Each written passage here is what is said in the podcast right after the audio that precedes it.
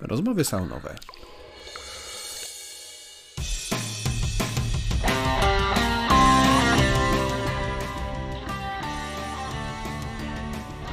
Witam w podcaście Sauna Grow. Nazywam się Bolek Drapella. Jestem przedsiębiorcą, menedżerem, inwestorem, a prywatnie ojcem gromadki dzieci.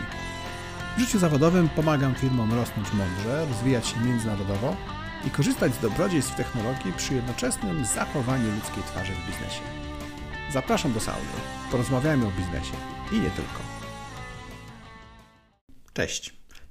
W dzisiejszym odcinku chciałbym z Wami wspólnie zastanowić się nad tematem wyznaczania celów. Wyjątkowo inspiracją do nagrania tego odcinka nie jest spotkanie w saunie z jednym e, czy z kilkoma klientami Sauna Grow, natomiast e, bardzo ciekawa dyskusja, którą zainicjował Marcin Majchrzak z Harmony Team na LinkedInie. Link do tej dyskusji e, umieszczę w opisie do tego podcastu, bo uważam, że warto, żebyście spotkali się z różnymi odpowiedziami na zadane przez Marcina pytanie. A pytanie brzmiało, jaka jest optymalna liczba spotkań dla zespołu handlowego e, w jego firmie. Zostały tam podane konkretne e, parametry firmy, tego czym się zajmuje, jak, e, jak wygląda praca handlowca i bardzo różne osoby, szkoleniowcy, doświadczeni sprzedażowcy, dyrektorowie, szefowie, szefowe wielu działów sprzedaży wypowiadali się w tym temacie. I bardzo ciekawa była ta dyskusja, w różnym kierunku szła, więc zachęcam do przeczytania. Natomiast no, mnie zainspirowała do tego, żeby podzielić się z Wami tym, jak, e, jak ja widzę cele e, w firmie, w zespole, ale też i dla nas e, samych indywidualnie oraz co z tego wynika i jak tak naprawdę można te cele mm, wykorzystać pozytywnie, a jak bardzo łatwo jest tymi celami zrobić sobie i zespołowi krzywdę. Bardzo bliskie, ciekawe, ale też i dość czasami kontrowersyjne podejście do tego ma Andrzej Blikle, e, znany matematyk e, i cukiernik, ale też menedżer. W dużym skrócie, jeśli nie mieliście okazji być kiedyś na wykładzie profesora, to on uważa, że podejście do premiowania pracowników za osiągnięcie konkretnych wyników, konkretnych celów jest złe. Ponieważ tworzy taką grę pomiędzy pracownikiem i pracodawcą, że jeśli osiągnę ten cel, to dostanę premię. Więc zrobię wszystko, żeby osiągnąć ten cel, choćby świat dookoła się walił, bo dostanę premię. I e, to jest naturalne e, dla, dla nas, jako dla ludzi, że jeśli nam coś się obieca, e, jakąś premię, jakąś nagrodę, no to będziemy starali się do tego dążyć. I jeśli ta nagroda będzie krótkoterminowa, no to będziemy do tego dążyć krótkoterminowo. I bardzo często cele, które są tak ustawione, mogą spowodować, że ta motywacja będzie nie do końca zdrowa. Szczególnie jeśli cel jest bardzo precyzyjnym celem, co zaletą takiego celu jest to, że jest łatwo mierzalny, ale z drugiej strony, jeśli ten cel jest zbyt precyzyjny i nie ma kontekstu dookoła, to y, de facto wprowadza tą y, niewłaściwą grę, czyli dla, dla tego przykładu ilości czy liczby spotkań. Może jeśli taki cel zaproponujemy handlowcom, to będą szli na ilość, tak? już nawet nie na liczbę, tylko na ilość tych spotkań, niepoliczalną nieomalże, bo im więcej, tym lepiej, gdzie tak naprawdę powinni się zastanowić e, wspólnie w całym zespole, bo to nie jest tylko handlowiec, co zrobić, żeby tych spotkań nie było jak najwięcej, ale żeby tych spotkań mogło być mniej, a żeby osiągnąć cel, czyli mm, sprzedać produkt, zrealizować budżet, pomóc rozwijać się firmie, pomóc klientom itd. Tak czyli jest to pewne ryzyko, że jeśli zaczniemy wyznaczać cele bardzo konkretne, wprowadzamy taką, taką grę i takie krótkowzroczne podejście mm, do, e, do ich realizacji. Dlatego między innymi coraz większe znaczenie również w Polsce mają programy e, opcji menedżerskich, tak? czyli tak zwany ESOP, Employee Share Option Plan, czyli możliwość e, pod pewnymi warunkami stania się współudziałowcem firmy, czyli bardzo długoterminowy plan, nastawiony nie na realizację liczby spotkań, ale tak naprawdę na wzrost ogólny wartości firmy. Oczywiście nie dla każdego będzie to czymś motywującym, bo też tak się często mówi, że nie należy strzelać do wróbla z armaty i jakby oferować takich form długoterminowego wynagradzania, jeśli ktoś nie czuje w tym motywacji i wartości, ale jest to przykład takiego, takiego celu, który jest na tyle długoterminowy, że sposób dotarcia, dojścia do tego celu, tak no wiadomo, że jeśli mam zostać udziałowcem firmy, to zależy mi na tym, żeby firma rosła w wartość. Nie żeby liczba spotkań rosła, tylko żeby firma e, zyskiwała na wartości. Więc będę robił różne rzeczy, wszystko co w mojej mocy, do tego, żeby stać się e, faktycznie udziałowcem czegoś większego, czegoś dużego, czegoś wartościowego. E, wiem dokładnie, jak to działa. Miałem okazję uczestniczyć w takich programach zarówno w AirHelpie, e, który teraz jest wart kilkaset milionów dolarów, e, jak i w Morizonie, który został niedawno sprzedany za 85 milionów złotych. Wiem, jak to, jak to funkcjonuje, wiem, jak to wpływa na motywację i bardzo serdecznie polecam jakby takie myślenie wśród menedżerów i kadry kierowniczej.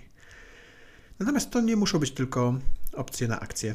E, znanym jest e, e, taki system OKR, czyli Objective Key Results. Najbardziej chyba znaną firmą, która go wdrożyła szeroko i stosuje jest Google, gdzie system polega na tym, że wyznaczamy sobie różne cele do osiągnięcia jako firma, a potem zastanawiamy się, jakie parametry mierzą stopień osiągnięcia tych celów. I te cele są wyznaczane na poziomie firmy, Potem każdy z szefów działów, e, najlepiej ze swoim działem, z kierownikami swojego działu, e, decyduje, ok, jak mój dział marketingu, jak mój dział operacyjny, jak mój dział sprzedaży, jak mój dział IT może wspomóc realizację tych celów. Może nie wszystkie, może nie wszystkie z pięciu, może tylko cztery, ale do tych czterech możemy zrobić to, to, to i to. I znowu e, kaskadowo w dół każdy dział e, wyznacza swoje Objective Key Results, czyli cele, jak ja mogę pomóc, jako powiedzmy ten dział IT i jak to dokładnie ta pomoc może być mierzona e, w, w tym kontekście. To jest o tyle dobre narzędzie, jeśli jest wdrożone poprawnie. Dlatego, że to narzędzie jest w zamyśle przede wszystkim narzędziem komunikacyjnym, a nie premiowym czyli realizacja celu z Objective Key Results, nie powinna ze sobą nieść premii. Ona ma uwspólnić komunikację i wiedzę wszystkich w zespole odnośnie tego, w jakim kierunku zmierza firma.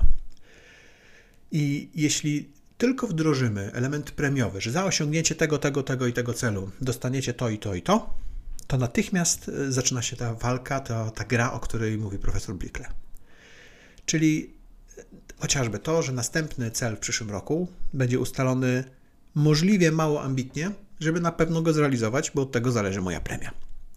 A jeśli te cele będą oderwane od premii i tak naprawdę jest to tylko drogowskaz dla nas, gdzie chcemy być jako firma, w jakim kierunku chcemy iść, pokazujemy w ten sposób, co jest dla nas ważne, to wtedy zwiększa to motywację na innym, nie takim e, zmonetyzowalnym, powiedzmy, czy, czy, czy wymiernym finansowo obszarze, bo dzięki temu zespół czuje, że wie, w jakim kierunku idzie firma.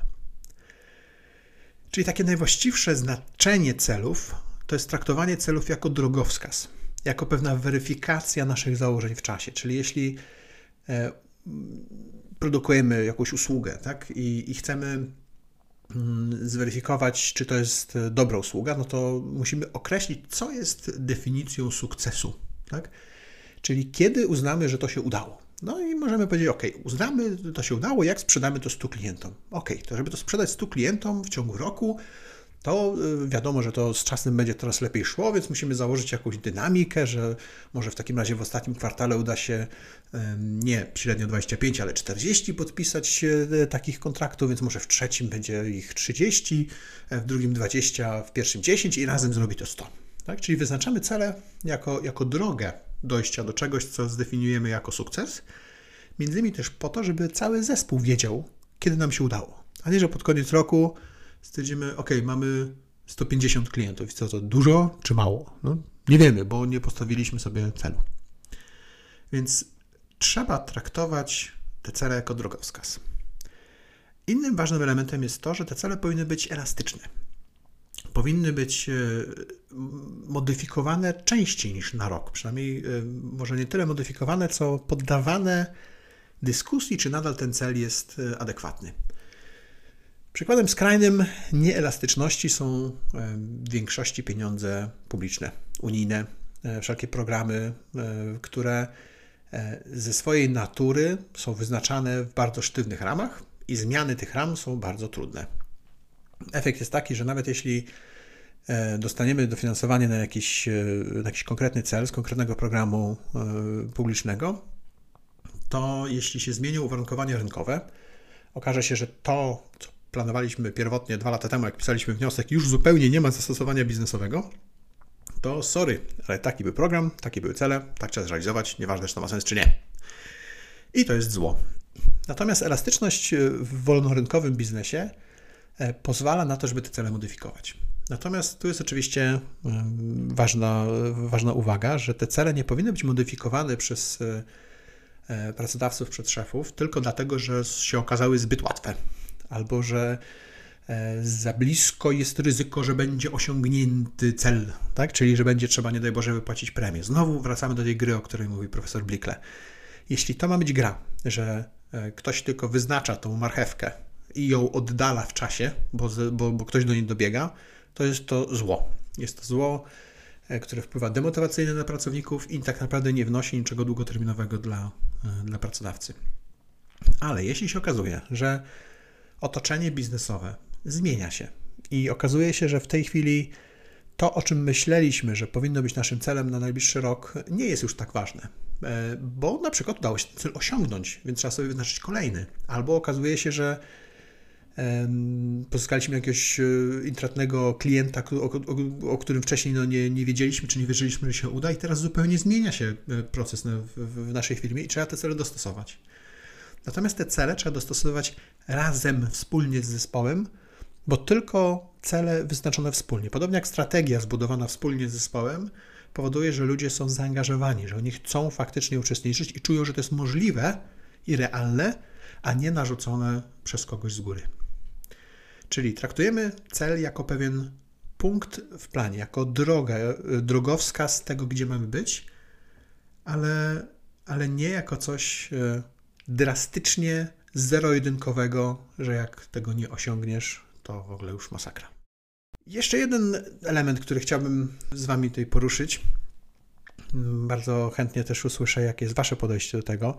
Można e, w, na anchor.fm ukośnik SaunaGrow nagrać e, krótką minutową wiadomość e, do mnie i chętnie umieszczę w, w kolejnym podcaście. Wasze zdanie, jakiś komentarz do tego.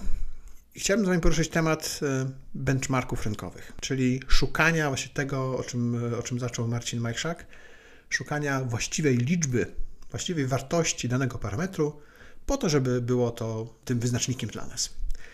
I z tymi benchmarkami są pewne ryzyka. Podam Wam to na przykładzie e, takiego parametru NPS, czyli Net Promoter Score. E, być może część z Was się z tym parametrem spotkała, a tak naprawdę większość z Was się spotkała, ale nie, możliwe, że nie mieliście świadomości, że bierzecie w tym udział. Pytanie NPS zazwyczaj zadawane jest w taki sposób: czy poleciłbyś usługi naszej firmy swojemu znajomemu? I jest pytanie, od, skala od 0 do 10 i możliwość dodania komentarza. Parametr NPS, oczywiście możecie wygooglać, jak się dokładnie liczy i tak dalej, ale w skrócie bada to, na ile nasz produkt jest dobry, czy usługa i czy faktycznie jest szansa, że ludzie będą go polecać. W skrócie pan, parametr NPS może mieć wartość od minus 100 do 100 punktów i firmy go y, bardzo chętnie mierzą i próbują w jakiś sposób tak się odnieść czy zweryfikować, czy są dobre, czy są lubiane przez swoich y, klientów, czy idą w dobrym kierunku. No ale tak naprawdę jaka jest wartość NPS właściwa? Otóż nie ma jednej wartości, którą można powiedzieć, że jest właściwa. Oczywiście im wyżej, tym lepiej, im bliżej tego plus 100, tym lepiej. Natomiast y, nie można powiedzieć, czy wartość 60 czy 70 to jest y, dobra, wystarczająca, a może 30 jest dobre. Dlaczego? Dlatego, że w różnych firmach, mimo dość konkretnej metodologii NPS, ten parametr jest mierzony inaczej. Różnym osobom to pytanie jest zadawane na różnym etapie ich jakby relacji y, z firmą. Różne są produkty i usługi, przez to zadowolenie ludzi czy chęć polecania danej firmy, danej usługi na różnym etapie będzie inna. Dla przykładu, jeśli naprawiam samochody, to zanim naprawię samochód, zanim nawet powiem, ile to będzie kosztowało, jak zapytam klienta, czy jest zadowolony, czy by polecił, no to pewnie by nie polecił, bo jeszcze nie wie. Tak?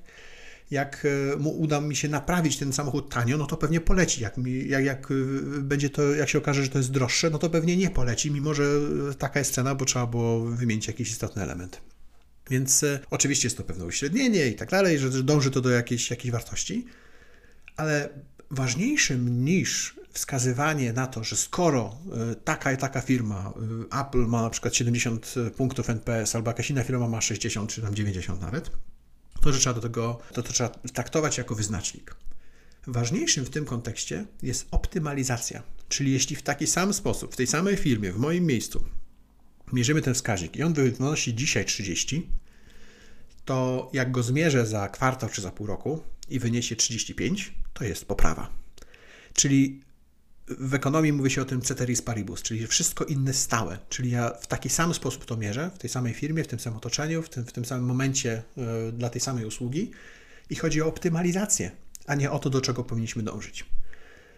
Więc e, tak jest z większą ilością też, e, też celów, gdzie benchmark, który możemy sobie znaleźć, bardzo często bywa błędny i bywa taki nie, niewłaściwy z perspektywy e, takiego sztywnego dążenia do, do konkretnego celu, do konkretnej wartości. Dla równowagi jednak e, chętnie Wam podam przykład dobrych benchmarków, czyli w dobry sposób odniesienia się do tego, jak inne firmy dany parametr u nich wygląda. I tym odniesieniem jest narzędzie Picon.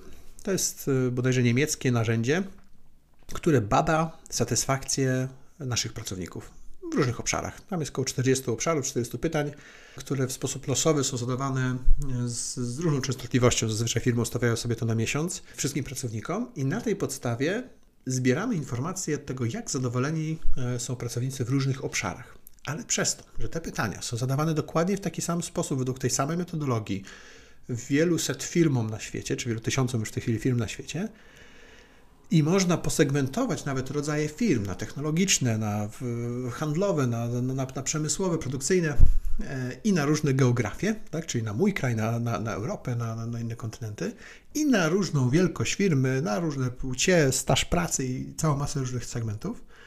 Możemy w ten sposób, e, w sposób porównywalny zweryfikować, czy ten wskaźnik w naszej firmie istotnie odbiega od e, może nie tyle normy, ale, ale średniej e, podobnego segmentu. Czyli po prostu z benchmarkami, czyli z tymi odniesieniami e, rynkowymi trzeba uważać, bo czasami mogą być dla nas bardzo mylne i wprowadzać niepotrzebnie złą grę, o której mówił profesor Blickle, i de facto mogą nas bardziej ranić niż nam pomagać. I podsumowując już na koniec tego naszego krótkiego, saunowego odcinka, Pamiętajcie, że cele warto stawiać, ale razem z zespołem i traktować je jako drogowskazy, a nie jako gilotynę, jeśli nie zostanie to osiągnięte. Zapraszam do refleksji. Podobał Ci się ten odcinek? Bardzo prosimy, oceń nasz podcast w Twojej ulubionej platformie streamingowej. Jeśli możesz, podziel się linkiem z tego odcinka w social mediach, np. na LinkedInie czy Facebooku. Dzięki temu możemy sprawnie działać i nagrywać kolejne podcasty – z góry serdecznie dziękujemy za tak okazane wsparcie.